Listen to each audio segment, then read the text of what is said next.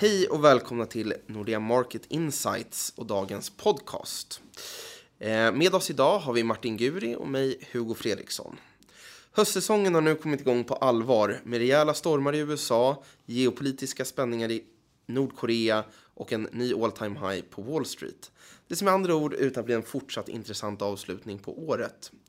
Om vi tar ett steg uppåt från det dagliga bruset, vad syns i den senaste tidens makroprognoser, Guri? Ja, om vi tittar på konsensusprognoser som är tämligen färska då så är det lite blandad kompott faktiskt. Och det svåra nu det är med budskapet att hålla ordning på tidsaxeln. För man får lite grann en signal när det gäller det kortsiktiga och eh, en liten annorlunda signal man börjar prata 2018 och förväntningarna på 2019. Men jag återkommer till det. De goda nyheterna för att börja där, det är i alla fall på global nivå när vi tittar på globala BNP-prognoserna. De har faktiskt skruvats upp lite grann under den här senaste månaden. Och det är tack vare bland annat att förväntningarna på Kina har kommit upp lite grann, jag återkommer till det. Men också att förväntningarna då på Europa har kommit upp lite till. Så nästa år förväntas faktiskt eh, den globala tillväxten bli lite, lite högre än det här året. Och i min värld så är det här den signalen jag har väntat på. Jag har sett en längre tid att prognoserna för 2017 har kommit upp och jag har väntat på att prognoserna för 2018 ska komma upp. Och jag tror väl för att vara ärlig att det här är väl ungefär så bra det blir. Så det här är liksom det tickar den sista boxen för min del. Men som sagt var, det är ganska brett då, men framförallt då Europa som drar här i västvärlden. Och förväntningarna på USA då, om vi pratar västvärlden, är ganska sidledes. Tittar man lite mer i detaljerna och på den konjunkturkänsliga delen av eh, prognosvärlden prognosvärden så kan vi konstatera då att siffrorna för USAs del de är ganska oförändrade när det gäller då investeringstakten i USA. Både det här året 2017 och för nästa år 2018. Investeringstakten förväntas vara ungefär 4 procent. Och det här får man säga innan alla de här stormarna. Vad det gäller industriproduktionen så ska vi det ungefär ligga ungefär på samma nivå i USA. Så det är mycket sideways kan man säga. Varken BNP eller investeringar i industriproduktionen förväntas över kalenderåret röra sig speciellt mycket då. Då pratar vi 2018. Lite mer spännande när vi tittar på förväntningarna på Europa så kan jag faktiskt konstatera att de två senaste månaderna så har förväntningarna på investeringstakten i Europa kommit ner mycket kraftigt. Mönstret är annorlunda jämfört med många tidigare år.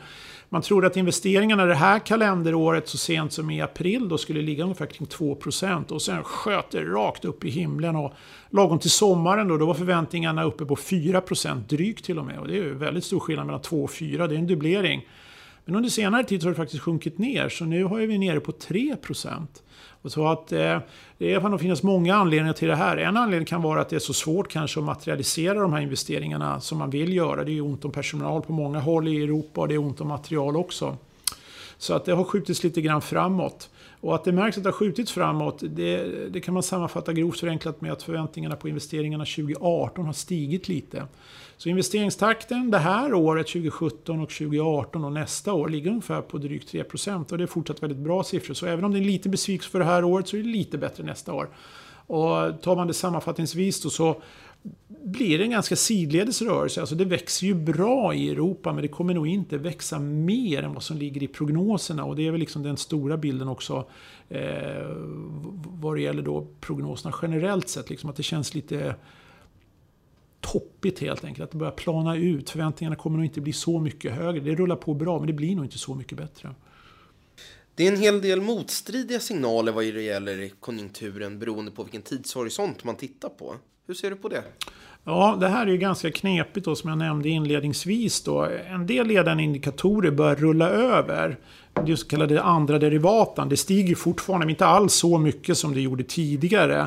Och då vet man ju det att eh, nästa steg det är ju liksom att det underliggande blir lite, lite svagare. Men då är vi långt fram på tidsaxeln. Det är likadant med de här makroprognoserna som man tittar lite grann i. Att Tittar man kvartal över kvartal, att man tar tredje kvartalet i år jämfört med förra årets tredje kvartal, så märker vi nu att tillväxten i Europa kommer nog inte bli så mycket högre och i USA kommer nog inte heller bli så värst mycket högre. Och eh, likadant med industriproduktionen och industriproduktionsdata framförallt i Europa förväntas tappa rätt rejält med fart de kommande två åren. Det betyder ju dock inte någonting annat än att det fortfarande är upp, men kraften blir lägre. Och det där är rätt knepigt. Och det där brukar ju spilla över framförallt på den cykliska sidan av börsen. Då, att man blir lite mer återhållsam, man blir lite mer försiktig och man kanske inte ska hoppas på så mycket. Så att vi är lite grann av en brytpunkt på det sättet. Även om det underliggande ser bra ut, bolagen kommer signalera att det ser bra ut. Så tittar vi ett och två år framåt så ser det lite annorlunda ut. Så det är lite knepigt. Så det är det nya får man lov att säga som har dykt upp de två senaste månaderna. Stormarna i USA har ju också ställt till det en hel del. Men hur påverkar det din bild av, av makroläget? Ja, faktiskt är det ganska jobbigt på någon form av skala. För att de här stormarna kommer påverka alla typer av makrosiffror från USA. Det är allting från industriproduktion till investeringar till konsumtion och stora BNP-siffran. Så först kommer det bli dåligt sämre eftersom det är återhållsamt. Och sen brukar det ofta bli en sån här återhämtningsperiod och det kanske blir lite starkare än vanligt. Den här återhämtningsperioden kan ju dock vara ganska långdragen och jag tror man ska rent realistiskt räkna med att de kommande två kvartalen så kommer siffrorna vara ganska bluddriga. Och just att det berör USA påverkar ju då den stora bilden också. Eftersom USA har den största vikten i globala BNP och påverkar alla globala BNP-prognoser. Så ska man då räkna också med att det kommer bli såna här vädereffekter i de konjunkturprognoserna som ligger just nu. Så alla de prognoser som vi ser idag räknar jag faktiskt med på kort sikt kommer att åka ner. Men å andra sidan kommer man då samtidigt säga att det här är vädereffekter, det kommer tillbaka om ett halvår. Och det är ju rätt det också. Så att det är lite dåligt när det blir sånt här. Det blir lite suddigt och man vet inte riktigt exakt var man är någonstans. Men det får vi ta med i beräkningen. Vi vet ändå att riktningen är okej okay och nivån är okej. Okay, men det kommer bli kortsiktiga störningar som kommer att tynga, det tror jag faktiskt. Eh, en annan grej som händer inom närtid är att kineserna har sin stora kongress om en månad. Vad kan man säga om förväntansbilden på Kina? Eh, jag tycker det kommer mycket uppmuntrande signaler från Kina. Grovt förenklat kan man ju säga att förväntningarna på den kinesiska nedväxlingen av dess eh, ekonomiska tillväxt eh, var nog lite för kraftig. Man trodde nog att tillväxten skulle gå ner mycket mer än vad man hade räknat med, framförallt eh, i väst då, ska man säga. Nu kan vi konstatera då efter två kvartal, eller första halvåret med BNP-tillväxt som ligger kring 6,9, att man har varit alldeles för pessimistisk och det innebär i konsekvensens namn då att kollapsar då inte tillväxten under andra halvåret, vilket den absolut inte kommer att göra, så måste man ju dra upp sina prognoser. Och det är för det här kalenderåret. Drar vi ut perspektivet lite grann så läste jag en eh, viktig rapport ifrån IMF. IMF då är ju den eh, alla makroprognosers moder. Det finns ju ingen som har så stora resurser som IMF att ställa ihop prognoser. Så när IMF brukar säga att det går åt det ena och det andra hållet så brukar de flesta andra hänga på. Och vad jag läste i deras rapport eh, i somras då, det var ju det att förväntningarna för tillväxten de kommande fem åren höjdes lite grann. Man räknar faktiskt med något högre tillväxt nu än jämfört med ett år sedan. Och man räknar också med att investeringarna i Kina ska vara något högre de kommande 4-5 åren än för ett år sedan. Och det betyder ju på aggregatet egentligen då att bidraget från kinesiska BNP till globala BNP kommer vara större än vad man tidigare räknat med och det kommer självklart slå igenom och hjälpa till globala BNP-prognoserna. Och inte bara för det här kalenderåret 2018 utan faktiskt ett par, tre, fyra år framåt. Och också då att förväntningarna om investeringar och efterfrågan på investeringsvaror kommer troligtvis bli högre gradvis här och det kommer ju självklart bidra till en lite mer positiv stämning kring de konjunkturkänsliga sektorerna på börsen. Att man kommer få ett gott stöd här. Men mer av det här tror jag vi kommer höra om en månad ganska exakt och kongressen drar igång. Då tror jag man kommer dra ut penseldragen för eh, tillväxten de närmaste åren. Och I vanlig ordning så kommer man nog vara ganska aggressiv vad det gäller tillväxtmålen och eh, man kommer nog vara ganska kaxig i Kina med all rätt då att man kommer klara det här. Och man har utmaningar men man har resurserna för att göra detta. Så att det, det ser rätt bra ut. Så man kan verkligen balansera eh, vågskålarna då med positiva nyheter ifrån Kina då som eh, väger emot då det kanske något mer negativa från USA åtminstone på kort sikt. Så det ser bra ut. Om vi tar och byter ämne och tittar på vinstprognoserna istället. Vad har hänt där? Ja, där kan man säga på en grovt förenklad nivå då att det är eh, valutakursförändringarna under sommaren som har slagit igenom. Tittar man på eh, vinstprognoserna för 2017 och 2018 så började de tappa redan i augusti. Då var det ju Q2-rapporterna som slog igenom och sen dess har det inte hänt så värst mycket. Men Europa då som rapporterar lite senare, de har fått ett ordentligt nedställ vad det gäller förväntad vinsttillväxt i år. Och det här är ju lite paradoxalt, för tittar man på efterfrågan och tittar man på årläget så ser det bra ut. Men däremot har man en stor valutakänslighet och det har dragit ner vinstprognoser så det märks klart tydligt. Eh, man skulle kunna tänka sig något motsatt då i USA, men eh, det har man faktiskt inte märkt. Utan där är vinstprognoserna mera sidledes. Tar man sen den aggregerade bilden så är det faktiskt upp. Och det här kan ju förefalla lite paradoxalt när man är svensk då, när man tycker att vinstprognoserna är ner och börsen har känts ganska dålig den senaste tiden. Men valuta är ju som sagt var ett nollsummespel, så det är gungor och karuseller. Och tittar man på vinstprognoserna för 2017 och på aggregatet, på global nivå då, så är det faktiskt upp. Och eh, vinstprognoserna för det här kalenderåret jämfört med förra kalenderåret då är ungefär 16% upp. Och det är jätte, jättebra. Så att eh, det ser faktiskt bra ut. Så globalt upp och lokalt ner lite grann. Så kontentan blir väl ganska blandad då. Men det sagt det är valutan som spelar roll. Eh, och jag tycker inte man ska vara så orolig över det där.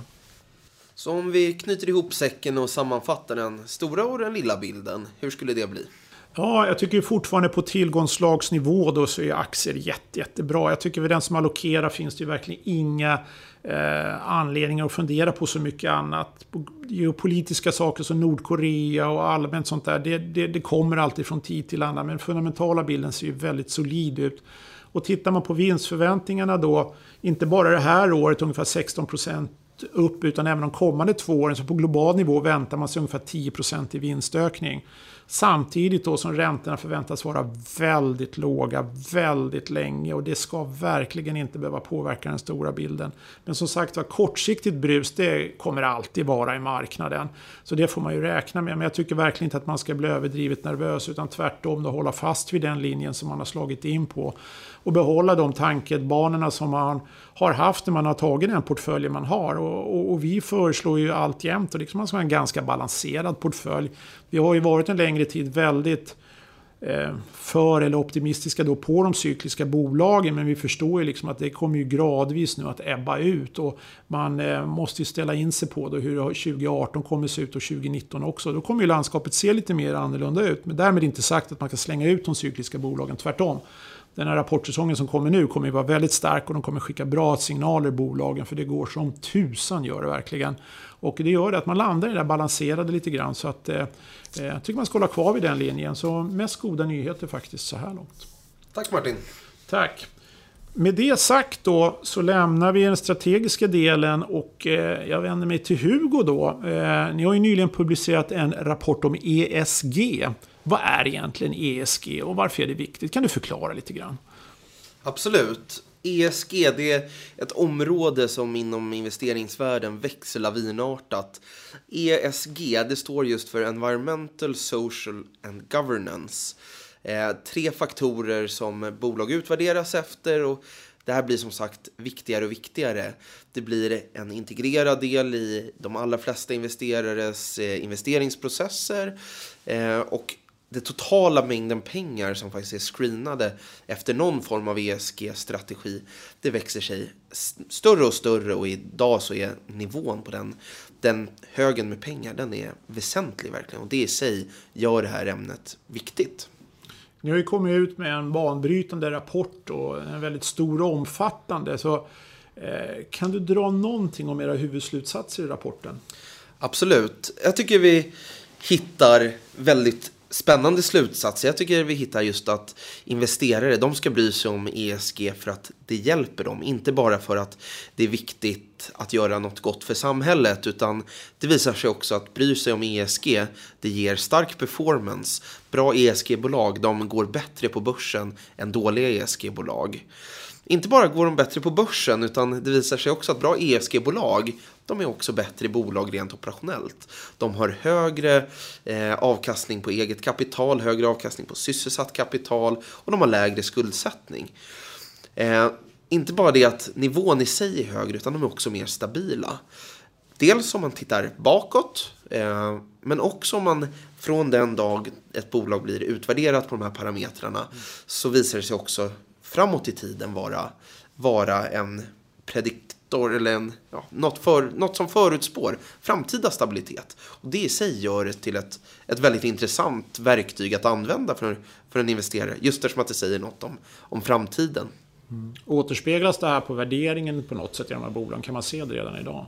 Man kan skönja att bra ESG-bolag de handlar på en, på en liten premie. Mm. Den är inte jättestor eh, och man kan ju se att historiskt så har den här premien den har växt sedan 2011. Och under den här perioden så har också bra ESG-bolag gått mycket bättre på börsen. En del av det är just att multipeln eller eh, värderingspremien har, har ökat för det. Men värderingsresan räcker inte för att förklara den starka performancen. Mm. Så att också operationellt så har bra ESG-bolag gått bättre än dåliga ESG-bolag. Intressant, det där verkar ju hänga ihop faktiskt, gå hand i hand.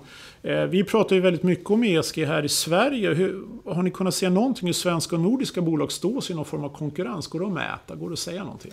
Absolut, om vi tittar på, på den datan vi har haft som grund för vår rapport, vilket är MSCI's ESG Research, så är det otroligt tydligt att nordiska bolag, de är mycket bättre, eller de är marginellt bättre i alla fall än europeiska bolag. Och både nordiska och europeiska bolag är mycket bättre än nordamerikanska. Och det här kan man fundera på vad, vad gör att det är så pass stora skillnader? Vad kommer det av? Och vad blir effekten av att skillnaderna är så stora? Och jag tror man kan börja med att sammanfatta det som att fokus och intresset för den här typen av frågor är störst i Norden. Det är mycket större i Europa än vad det är i Nordamerika.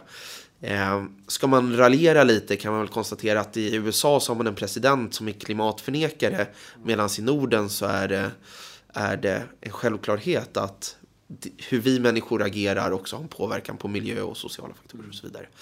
Eh, och här kan man göra en intressant koppling också. att I regioner där folk bryr sig mer, där bolag är bättre på det, där ser man också att det ger en effekt i börsutvecklingen av bolagen. I Europa, där man bryr sig mycket, där är det större skillnad mellan bolag som är bra på ESG och som är dåliga på ESG på börsen.